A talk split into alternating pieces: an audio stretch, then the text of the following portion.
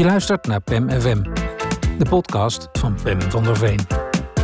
Aflevering 32. Keurige jongens. Op het strandje bij het meer zitten drie jongens op hun handdoek. Begin twintig, keurig kort geknipt, pratend over ongevaarlijke zaken als wielrennen, studie en stages. Om beurten eten ze stukjes meloen uit een Tupperware-doos en dippen ze crackers in een bakje met hummus. Gezonde jongens, zo te zien. Rustig en verstandig. Ik hoor geen onvertogen woord over hun lippen komen.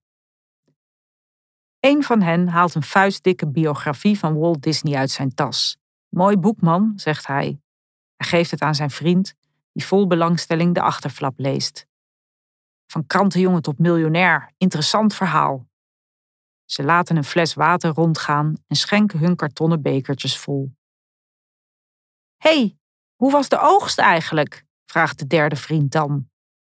Heel goed, klinkt het opgewekt. Eén zo'n plant levert best veel op. Ik zat al snel op 150 gram. Ik spits mijn oren. Een van deze zogenaamd kreukvrije gasten kweekt kennelijk wiet. Zo keurig zijn ze dus ook weer niet. Maar ik heb het eigenlijk allemaal al op, vervolgt de kweker. Die laat er duidelijk geen gras over groeien. De twee anderen knikken begripvol. Ja, tuurlijk. Lekker man. Even kijken ze gedrieën mijmerend uit over het meertje. Super fijn toch? Als je ouders een moestuin hebben. En dan elk najaar verse boontjes. Ja man, beaamt hun vriend. Echt wel fucking chill.